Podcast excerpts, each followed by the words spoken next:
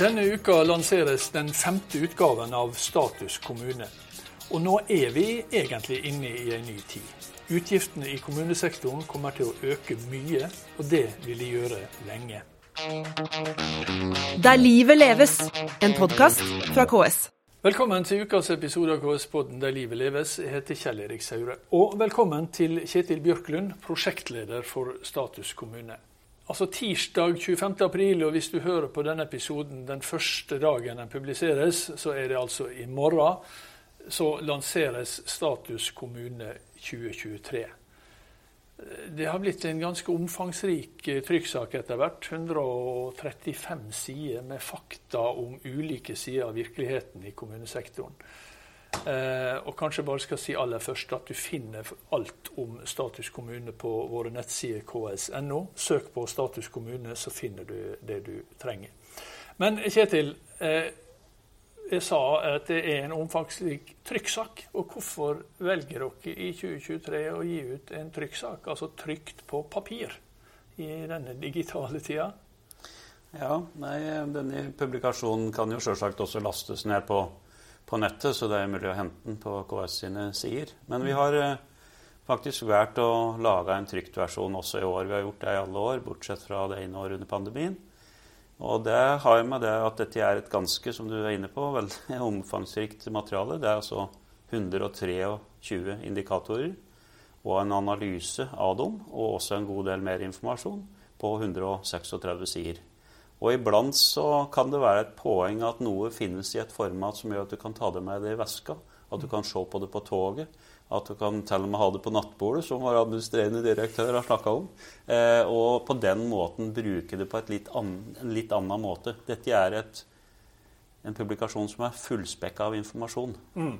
Ja, oss, altså det, det, er, det, er, jo slett ikke sikkert at alle som hører på dette, kjenner eh, Status kommune. Hva er Status kommune? Status kommune er et dokument som vi har laga noen, noen år siden forrige landsting i KS der vi ser på utviklingstrekk på noen viktige samfunnsutfordringer og områder for kommunesektoren. Altså Vi ser da med utgangspunkt i et overblikk på noen av de områdene som er spesielt interessante å følge kommunesektorens utvikling innafor. Så det er utfordringer, utviklingstrekk og analyser av situasjonen. Mm.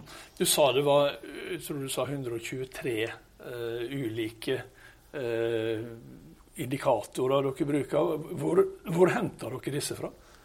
Vi henter fra ulike kilder. Og noe lager vi jo sjøl i undersøkelser som, og prosesser som foregår i, i KS-systemet. Men eh, så henter vi en god del eh, figurer, altså indikatorer, fra SSB-systemet, altså Statistisk sentralbyrå. Vi henter fra ulike innbyggerundersøkelser. Vi henter fra, fra, fra litt uh, ulike kilder. Men en forutsetning som ligger til grunn, er at det ikke skal være et øyeblikksbilde, men en tidsserie. Mm. Altså Vi skal kunne bruke dette til å se hvordan ting utvikler seg over tid. Så derfor har vi da et vi kaller det grunnsett med ting som vi har med hvert år. Og så bytter vi ut litt eh, dersom det fins eh, materiale som kan belyse eller supplere noe vi allerede har, har sett på. Mm. Og så følger jo da dette i de prioriteringene som det forrige landstinget i KS eh, gjorde. Og så skal det være et nytt landsting til våren, og da kan det jo hende at eh, det vil bli andre prioriteringer og annen innretning. Det er foreløpig uavklart.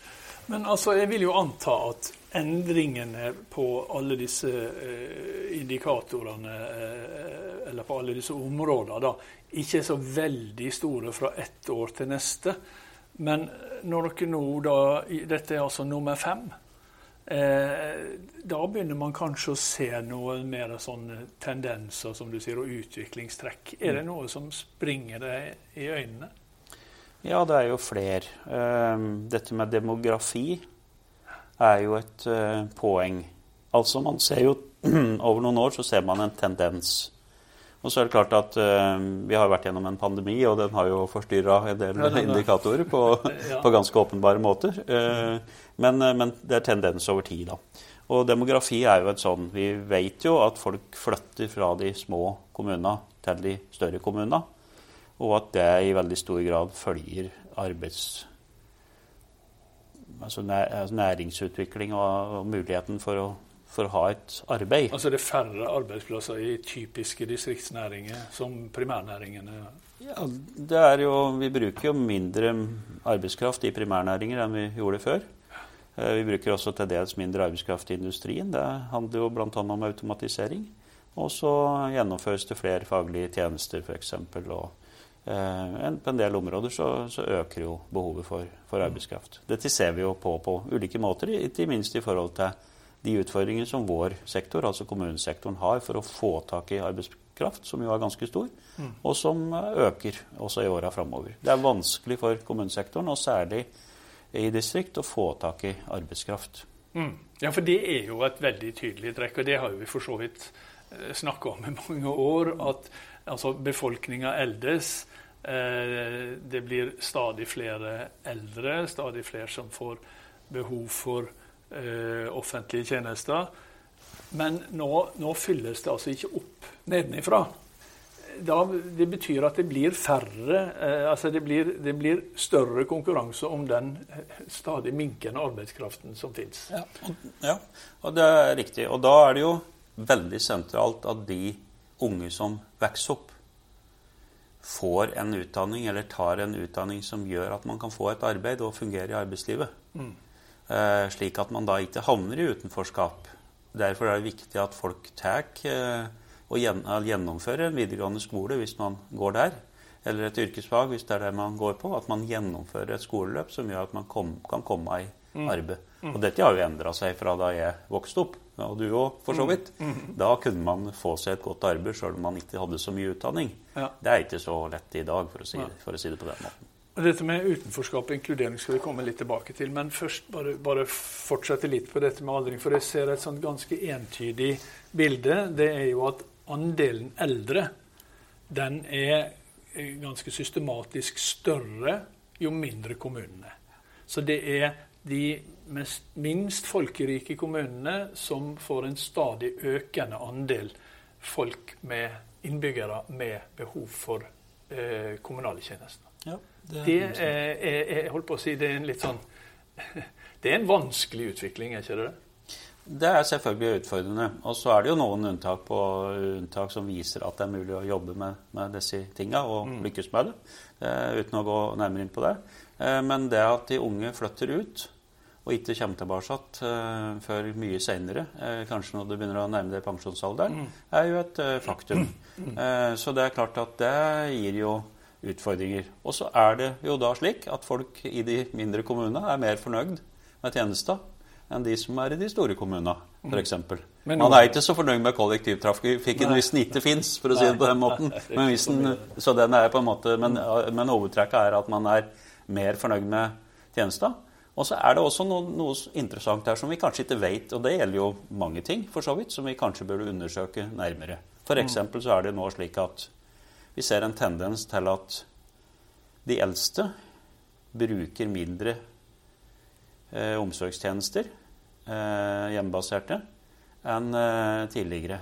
Eh, hva handler det om? Jo, det kan jo handle om at vi er friskere lenger. Eh, og sånne ting. Men det er jo da et, et, for så vidt en god nyhet at man eh, bruker færre av de tjenestene.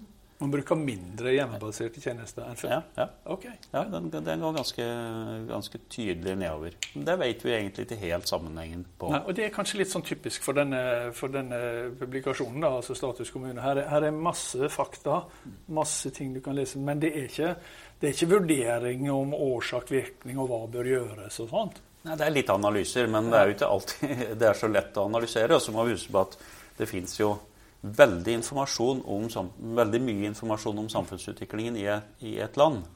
Eh, og vi har gjort da et uttrekk av noe som vi syns eh, er veldig viktig. Men på de fleste områder så finnes det jo mye mer statistikk. Altså Man kan gå inn og lete fram uh, i f.eks. SSB-systemet mer enn det vi har belyst i en, i en, i en figur som teller et område.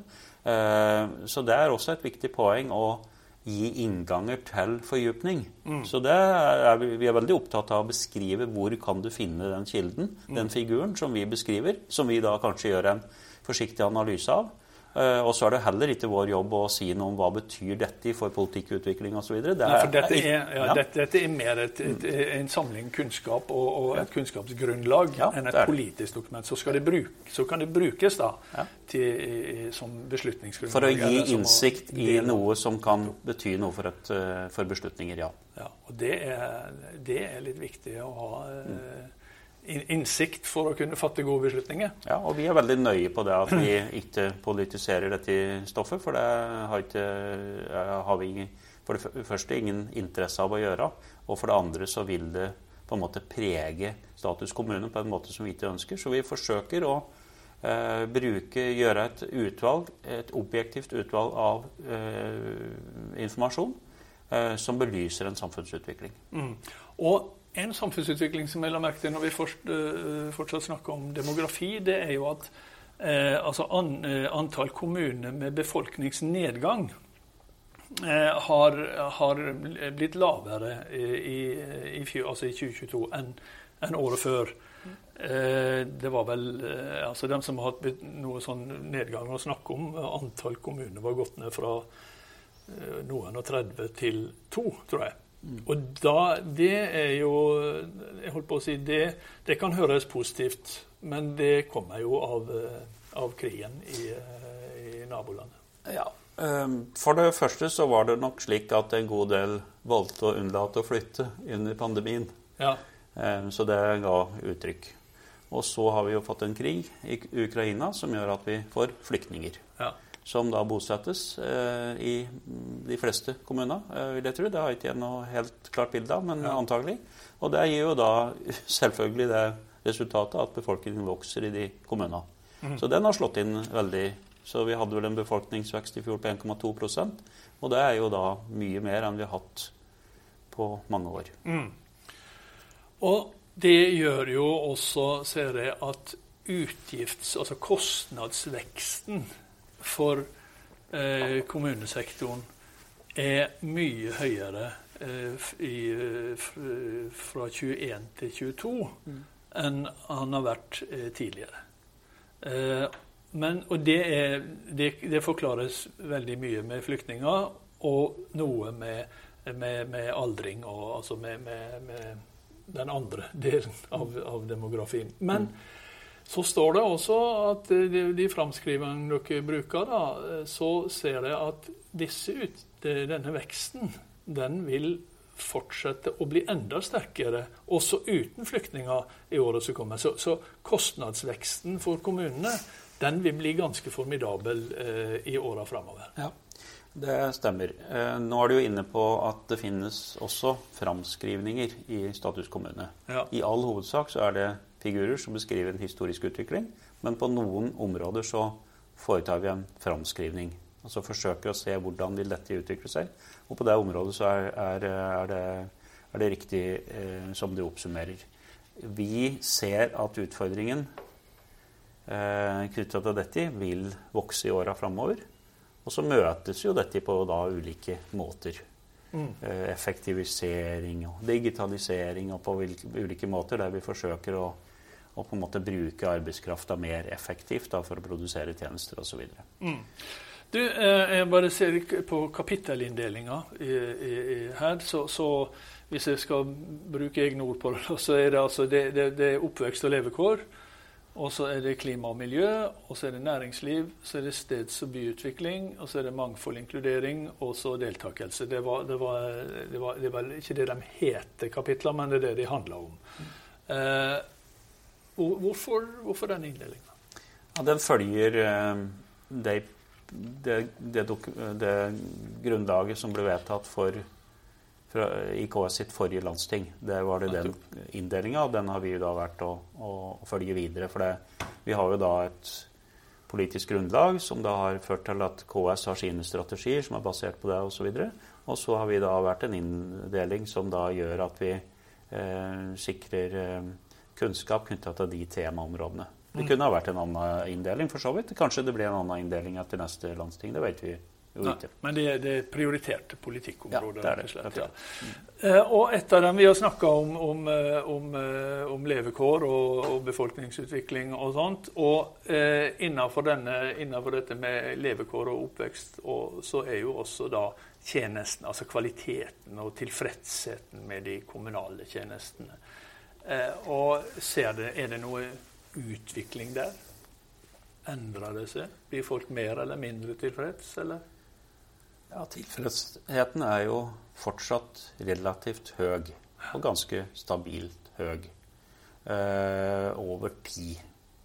Det tror jeg vi kan eh, slå fast. Eh, og så er det jo selvfølgelig forskjeller. Og det tilfredshet kan jo handle om tjenester, men det kan jo handle også om det politiske systemet, om lokale Lokalpolitikken eh, har tilstrekkelig legitimitet og tillit til at du syns at du skal bruke den osv. Så, videre. så det er jo mye, mye med mange indikatorer som belyser ulike deler av, av det spørsmålet. Og så, er det, og så er det ganske stor forskjell eh, både mellom kommune og mellom tjenester, og mellom tjenester i en kommune hvor tilfreds man er. Ja, Man er f.eks. mest mer tilfreds med de tjenester man bruker, enn de man ikke bruker. Ja, nettopp. Så, ja, Og så er man ofte mer det ville til vært, det ville- jo vært ille om det var omvendt. Ja, det er interessant. Eh, og så er det jo da slik at folk er gjennomgående mer tilfredse med tjenesten i en liten kommune enn i en stor. Der kan man jo diskutere hvorfor er det slik, Ja. eh, osv. Et unntak der er jo kollektivtrafikken. Man er ganske lite tilfreds med kollektivtrafikken i små kommuner, og det handler jo selvfølgelig om at man ikke har en kollektivtrafikk. Det, det det Og, men i de store byene så er man ganske tilfreds med kollektivtrafikken. Så det er ikke, det er ikke, dette er jo ikke entydig, men, men tilfredsheten er relativt stabilt høy Mm. med hvordan kommunen produserer tjenester, og hva slags tjenester, og måten å bli produsert på. Og så er det det neste, det er jo klima og miljø, og det vet jeg du har jobba mye med. Eh, og her går det jo veldig sakte fremover i samfunnet generelt, og vel også i, i, i denne sektoren. Ja, vi, eh, vi lykkes jo på noen områder. Vi elektrifiserer jo eh, transporten. Eh, men vi bruker Vi transporterer oss mer. Ja. Det er på en måte nedsida av at eh, transporten blir elektrifisert. Vi, eh, vi reduserer klimagassutslippene i, i Norge. Men Og det er klart, nå har vi vært gjennom en pandemi, og da har vi veksla ganske kraftig over fra å bruke kollektivtransport. Det har vært kraftig nedgang i kollektivtransport. Og vi har da i stedet begynt å bruke privatbilen igjen. Og så tar det ganske lang tid før vi begynner å bruke kollektivtransporten etter et, en sånn periode. Det, det, det, det går jo sakte. Du Kjetil Bjørklund, jeg lovte at vi skulle komme tilbake til dette med eh, inkludering og, og eh, altså Hvis vi slår sammen de, de siste kapitlene, da, eh, eller siste temaene, eh, det, med, det med deltakende innbyggere og det med inkludering og mangfold. Jeg tror vi kan si at integrering og inkludering i et samfunn handler ikke bare om forskjellig hudfarge. Det handler om eh, livssituasjon, det handler om økonomi, det handler om bo, hva, hva slags bolig du har mulighet til å bo i, eh, hvor du bor osv. Så, videre. så det er sammensatt. Men jeg tror at det er helt sentralt, og det, og det er også en, en økning i grad av å føle seg utafor, eller å ikke ha noen nære venner. F.eks. ungdom er jo opptatt av det. Og eh, hvordan samfunnet utvikler seg. Og det er ganske åpenbart for meg at hvis vi får problemer med å inkludere og integrere alle i et samfunn, eh, så vil det etter hvert gå utover tilliten mellom folk, og også for mulighetene våre til å kunne løse store utfordringer i framtida. Og da, Kjetil, sånn, altså, siden, vi i, siden vi er i et valgår, det er valg, valg til høsten, så kan jo det også være veldig greit å, å ta med altså at eh, vi hører mye om hva folkevalgte, lokale folkevalgte blir utsatt for. At vi tar med et uh, tall som jeg syns er ganske morsomt. Og det er at eh, 88% av de som er folkevalgt, er fornøyd med eh, Nei, unnskyld. eh, Det er 89 eh, trives godt i rollen som eh, folkevalgt. Det er kanskje viktig å huske da, når vi husker det, alt, det, alt, det, andre man sier om, om den rollen. Ja. Så, det, så, så, de kan se fortrøstningsfullt fram mot valget da, og ikke gruse til den jobben. Det var jo noe vi var litt opptatt av, om det ville være vanskelig å rekruttere til lokalpolitikken ved, dette, ved disse i valglisten som, mm. som nå uh, er, er, levert. Uh, med utgangspunkt i at ganske mange føler at de har blitt utsatt for hat og trusler og dårlige opplevelser. så det er betryggende og bra at folk stiller opp for, for demokratiet. For det er jo helt sentralt, for uten at noen stiller opp, så har vi det faktisk ikke. Det er viktig at folk stiller opp. Vi er veldig glad for at du stilte opp her. Kjetil Bjørklund, prosjektleder for Status kommune. Eh, og du finner altså alt om det på ks.no. Søk på Status kommune. Og vi er tilbake med en ny episode neste uke.